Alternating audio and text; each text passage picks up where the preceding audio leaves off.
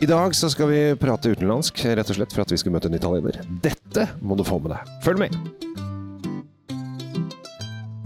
Hei og hjertelig velkommen til dagens episode av Kjell Svinkjeller, og ikke minst podkasten til vår alles kjære Tom Ratte Løvaas, The Drink Feed. Ja, og det, det, er litt kult i dag, Kjell Gabriel, for nå For det første er vi utendørs. Vi er utendørs. Det hører at uh, vi, vi, sitter i bakgården bak uh, domkirken ja. uh, og har med oss en veldig hyggelig og sjarmerende italiener som vi skal snakke litt med nå. Ja, fordi at uh, vi skal reise til Piemonte. Vi skal til et ganske nytt område som har fått DOCG-status. Ja, det er ikke verst. Ja, Så det betyr at de har, de har nå satset på det. Og det som er så gøy, at her lager de bare bobler. Ja. Men Da kan vi ønske gjesten vår velkommen. Det du kan, kan få æren, Kjell Gabriel. Ja, welcome to Norway, Oslo, Luca. Thank you. Thank you so much. I'm honored to be here. It's yeah. a pleasure. Yes. Uh, you uh, are uh, coming from Contratto? I coming, uh, yes, I was born and raised in Piemonte and I work for the, winery Contratto for the Rivetti family, yes. I think a lot of Norwegians don't understand anything about the Contratto uh, or, the, or the, the, area that this wine is from. Or not some do, but we yeah. have to we have to yes. start in the beginning. What's uh, special about this area? So we are in, in Piemonte. We are uh, about 30 kilometers southeast of Alba, at the beginning of the Alta Langa region. And Contratto, which is the name of the family who has founded the, the, the winery mm. 160 years ago, mm. is the oldest uh, Italian sparkling wine producer, together with a few other uh, local producers. Canelli is the village where the, the winery is located, is the capital has been the capital for Italian traditional method wines for more than 100 years. How did it start there? Oh, they they you know 1855, 1867 was the time of Contratto. They were dreaming to make uh, champagne. Yeah. And so they sent the uh, the, the cellar masters to to Champagne area to learn how to make. Uh, uh, to make the second fermentation in the bottle, how to control it, and um, it worked. And so they started. They started with Moscato, at the beginning, so they were making a naturally sweet uh, sparkling champagne method wine, and then they when when champagne became drier, they also started to work with Pinot Noir and Chardonnay and to make drier drier wines, and and this is this is the history. Yes. You told me earlier that you you are very uh, closer and closer to the terroir, to the to the agriculture aspect of, of growing wine. Is is this area particularly easy to to grow wines in? It's uh, very vocated. Uh, it's uh, ideal especially in the highest part of, uh, of the Lange. When you are, for example, in Barolo, which is more known, you go direction south and you go higher elevation. So you you can where, where we have, uh, for example, our vineyards for Contratto at seven, eight hundred meters elevation, uh, super chalky mineral soils, and it's ideal to grow Pinot Noir and Chardonnay when you want to make a sparkling wine it's it's it's perfect. Yes, you you can get great acidity.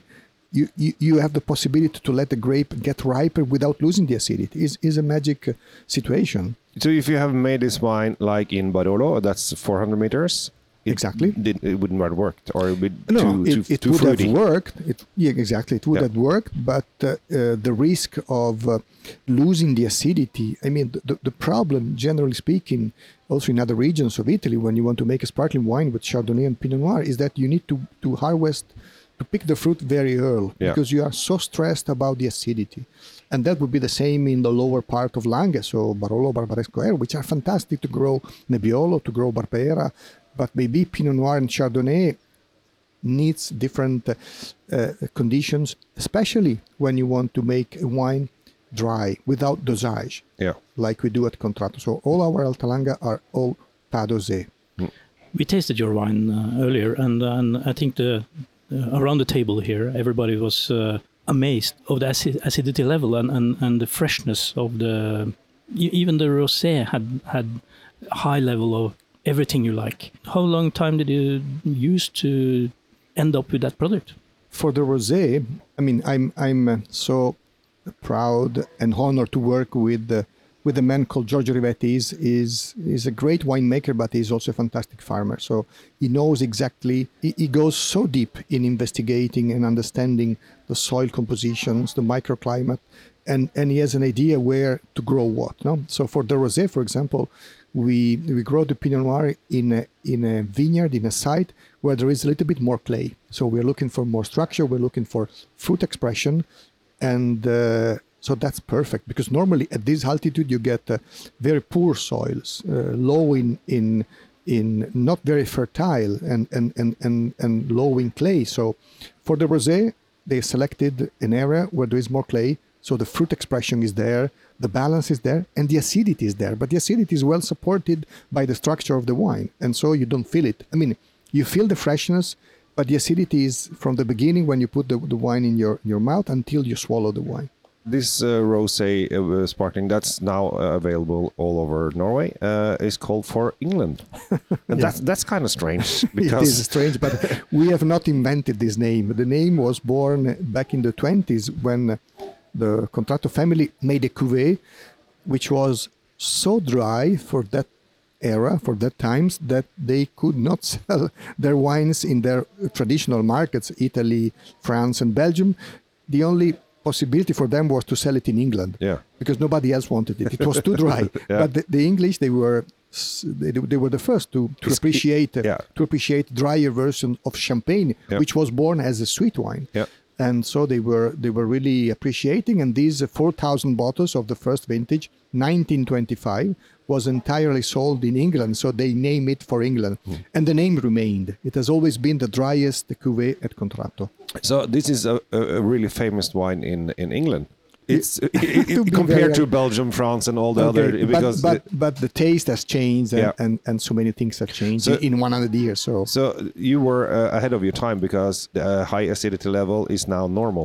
It's now normal for our wines. Yeah, and but all over that- the like yeah. or the champagnes uh, or all the other exactly, areas. have exactly, but also direction. driest version. So the fact that uh, there is no dosage, there is no sugar added at disgorging. All Contratto wines are pas dosé. Yeah. So they're all very dry. So there is no more this distinction, this difference, uh, but the name has remained. huh? So for the 100% Pinot Noir based wines, uh, uh, we kept the same name because it's historical, and and the, England Contratto has, has been always a very admired and considered prestigious cuvée from the house.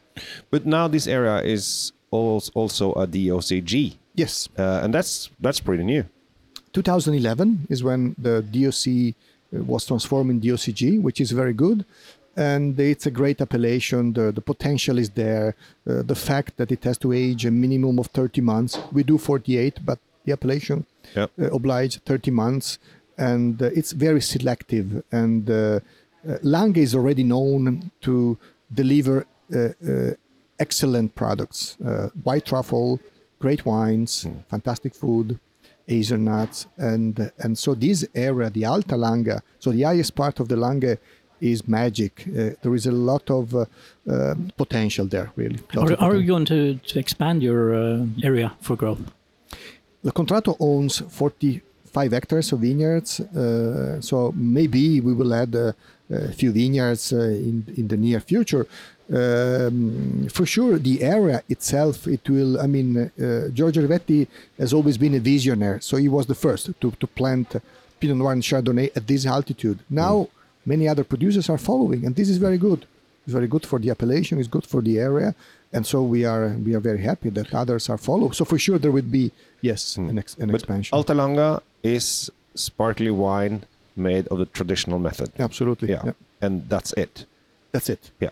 In wine, that's it. Uh, Yes. uh, and this uh, the rosé version is uh, is a little special as, as well because it's made by you make rosé first because you have a slow uh, press Yeah. with the, with the skins. Yeah, we don't really press the So skins just with a, slides too. J- just Yeah. ble- just Yeah. bleeding it. right? just bleeding. We let Yeah. it bleed without pressing. We distem the fruit. We put in the press. We wait until there is a little bit of juice, Yeah. and by that time you get also a little bit of Yeah. color, and then that's it. That's it. Yeah.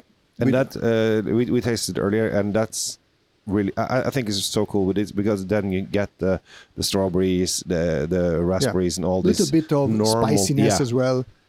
Exactly. instead of the the high acidity that you get with the uh, champagne rosés and other parts of the world rosés because Yeah. here you have a natural rosé by base. I think when when you are a grower and you have your vineyards, uh, your main uh, stress is the balance, no? And and you know especially in this case, eh, when it's a pas dosé, you you need to find the balance in the fruit. So Yep. that's that's your biggest uh, stress and your biggest challenge. You know that. So When you go through your range, uh, as we did earlier, and you're going up to the levels of your uh, Reserva, yeah, I found that the complexity was enormous compared to the the normal Mhm. uh, level.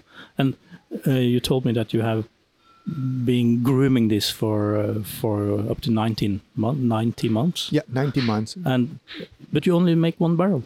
Yes, You have to you have to make more, right, Sir Gabriel? Yeah, It's that was that was thank amazing. you, thank you. It's a good compliment. Thank Yeah. you.